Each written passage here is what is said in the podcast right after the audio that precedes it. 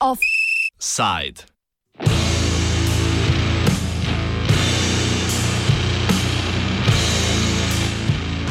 Razprodaja okolja.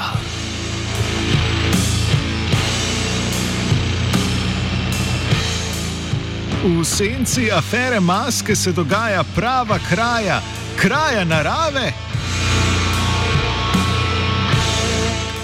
Tako se je glasila otvoritev v poziv k današnjemu protestu pred stavbo državnega zbora v objavi dogodka Narave ne damo na Facebooku usled obravnave predloga spremembe zakona o ohranjanju narave na odboru državnega zbora za infrastrukturo, okolje in prostor.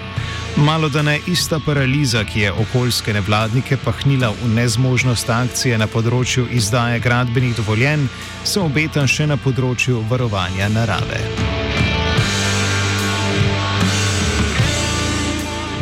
Okoljski minister in dolgoletni član Janševe slovenske demokratske stranke Andrej Vizjak je namreč v domnevni kooperaciji s prvakom slovenske nacionalne stranke Zmagom Jelinčičem plemenitim na obravnavo in glasovanje na odbor za okolje lansiral novelo zakona o ohranjanju narave, ki predvideva poostritev pogojev za sodelovanje nevladnih organizacij pri ohranjanju narave. Jebeš naravo, vse za večjo gospodarsko slavo.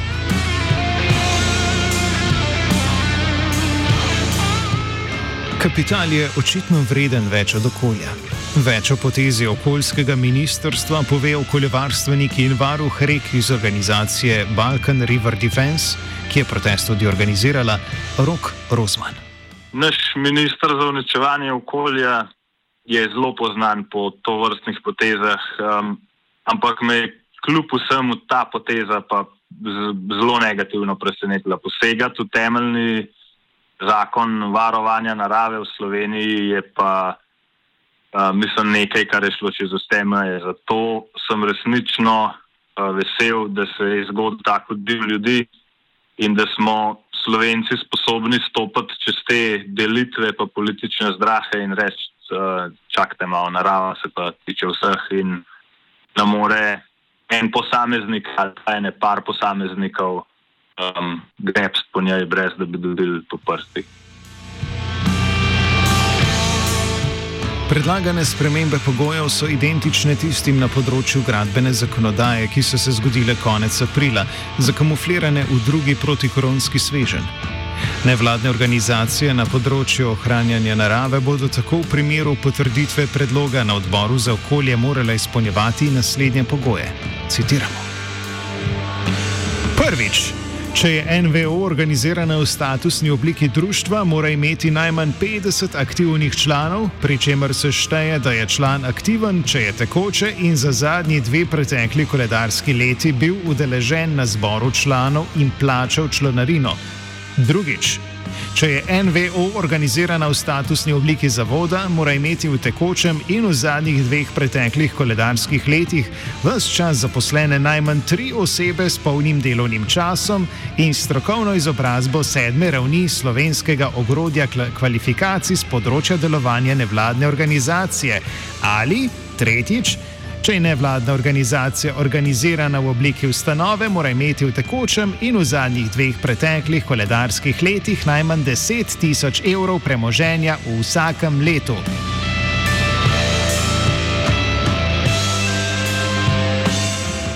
S temi ukrepi bi se pomembno zmanjšalo število NVO v javnem interesu z področja ohranjanja narave.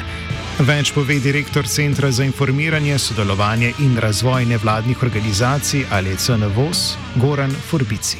Zdaj, eh, podatki o tem, eh, kdo vse bi ostal brez statusa, sicer še niso popolnoma znani, namreč težava je tudi v tem, da se amandma v teku zadnjih dni spreminja oziroma da koalicija eh, še vedno pili. Eh, končno besedilo, ampak uh, brez statusa bo ostalo vsaj pol tistih organizacij, ki so ga uh, imele doslej.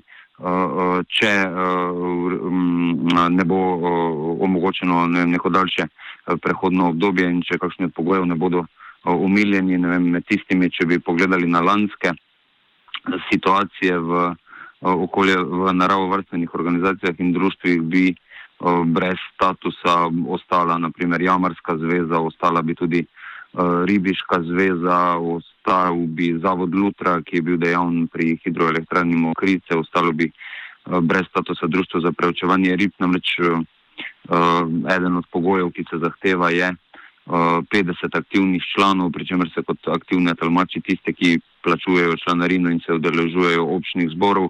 Zdaj, večina teh društv sicer ima več kot 50 članov, sem nekatera sploh članarine nimajo predpisana, na drugih, na občnih zborih ni bilo 50 članov, ker nič od tega sicer ni zakonska zahteva za to, da obratuješ kot društvo. Na spremembe sicer v CNVOS ne gledajo nič kaj pozitivno, več forbici. Uh, mi se sicer lahko strinjamo z ministrstvom in z ministrstvom, da je treba uh, vsako zanopododajo in vsake pogoje, vsake toliko premisliti in po potrebi prevetriti. Uh, vendar je tokrat uh, sprememba bila pripravljena uh, iz danes na jutri, brez kakršnega koli posvetovanja, ne nazadnje tudi brez kakršne koli napovedi tistim, ki jih sprememba zadeva, to so naravovrstevne organizacije. Zdaj v splošnem seveda pričakujemo zmanjšanje tistih, ki imajo status na področju ohranjanja narave, to pa preprosto pomeni samo to, da bo manj varuhov, narave in uh, s tem v resnici uh, ogroženo uh, varovanje narave v uh, Sloveniji. Poudariti velja še del končne določbe predvidene novele zakona o ohranjanju narave. Citiramo. Nevladnim organizacijam iz prvega odstavka tega člena, ki v šestih mesecih po uveljavitvi tega zakona ne prilagodijo svoje organizacije in dejavnosti določbam tega zakona, preneha status nevladne organizacije v javnem interesu, kar ugotovi minister z odločbo.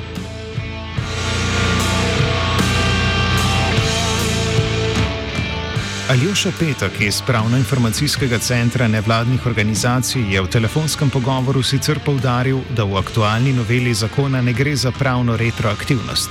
To pomeni, da ne gre za zakon, ki učinkuje že pred uveljavitvijo, kot v spremembi gradbene zakonodaje, saj imajo organizacije tokrat šest mesecev časa za adaptacijo, a da so kljub vsemu pravila igre prestroga. Postavlja se mu vprašanje, kako naj si naprimer NVO, organizirana v obliki zavoda, sploh privošči tri delavce z visoko izobrazbo, če pa je plača največkrat minimalna.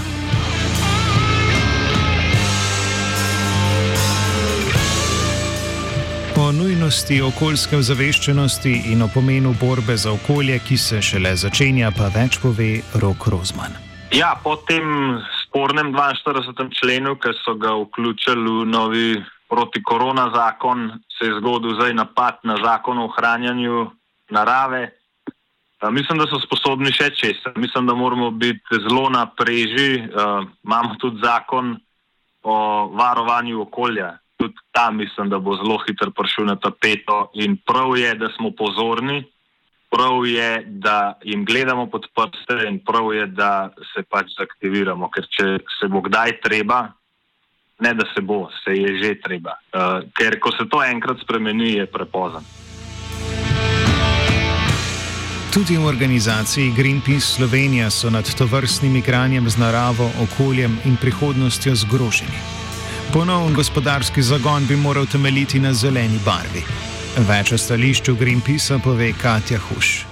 Uh, seveda to ni dopustno, ker uh, Če nas je kakorkoli epidemija a, opomnila, je naprimer nas je opomnila to, kako dragoceni so v bistvu osnovni gradniki življenja, kot je dostop do pitne vode, kvalitetne hrane, čist zrak, bogati, zdravi gozdovi in kako pomembno je, da lahko naše ključne ekosisteme tudi zaščitimo pred uničujočimi posegi.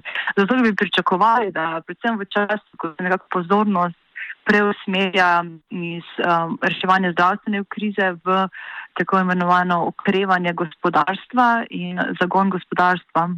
Mi se moramo pogovarjati, da kako ta zagon gospodarstva ozelenimo, kako ga uskladimo z uh, okoljskimi politikami, podnebnimi politikami, ker naša tako imenovana stara normalnost je tudi stanje nevarnega globalnega segrevanja in okoljske krize. Tako da v bistvu predvsem v tem času, ko država pripravlja te mega pakete za pomoč gospodarstvu, kako iziti iz trenutne ekonomske krize, ki je nekako um, nastala kot posledica zdravstvene krize um, je seveda nujno, uh, da je ta zagon gospodarstva povezan z okoljskimi ukrepi, torej ukrepi, ki vodijo v zniževanje izpustov toplogrednih plinov in ki ščitijo naše ključne naravne ekosisteme. Ali bo predlog na odboru sprejet, če ni jasno? Predvsem sta nas zanimali mnenji koalicijskih SMC in Desus. Tik pred zdajci so nas iz SMC-ja obvestili, da bo koalicija vložila amandma, ki bo olajšal ohranitev statusa nekaterih MVO-jev. Citiramo: Gre za ribiške družine, lovske družine, jamarje, potapljače, gorske reševalce, čebelarje in ne nazadnje tudi za nevladne organizacije, ki upravljajo z naravnimi rezervati, kot so Škocijanski zatok in podobno. Konec citata. Navedene organizacije bodo tako lahko delovale pod nekoliko drugačnimi pogoji, saj so zaradi pomembnih naravovarstvenih nalog upravičeni do sodelovanja v upravnih postopkih.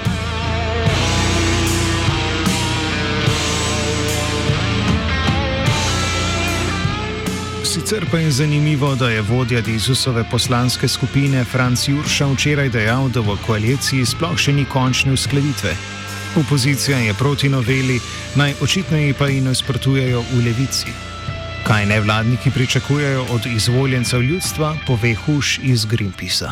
Ja, od poslancev na odboru za infrastrukturo, okolje in prostor pričakujemo, da danes zavrnejo predlog uh, stranke SNS, torej predlog spremembi zakona o ohranjanju narave. Uh, in sicer zakaj? Uh, Pozivamo, da zavrnejo ta predlog, saj bi s postavljanjem nemogočih pogojev profesionalnim okoljskim organizacijam praktično zvezali roke uh, in odprli vrata okolju škodljivim projektom. In uh, zato, ker menimo, da gospodarski razvoj, uh, ki potrebuje krhanje okoljskih standardov in učevanje narave, ni razvoj, ki ga ljudje želimo.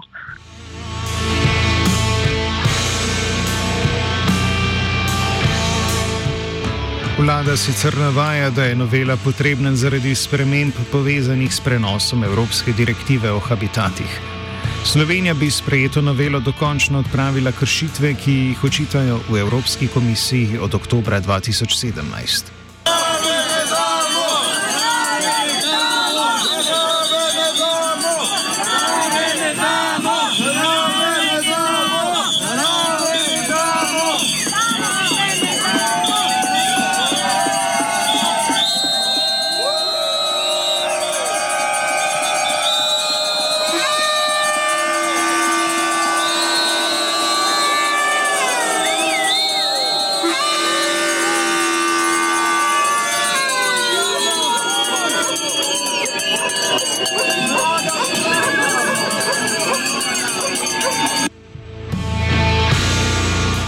Na protestih se je kljub dežju in kljub prepovedi zbiranja zbralo približno 400 ozaveščenih.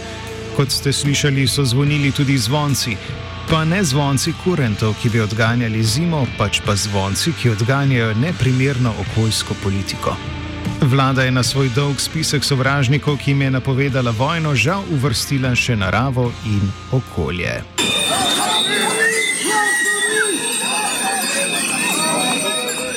Offside je pripravil urh, za protestno zvočno podlago pa je poskrbel Virant.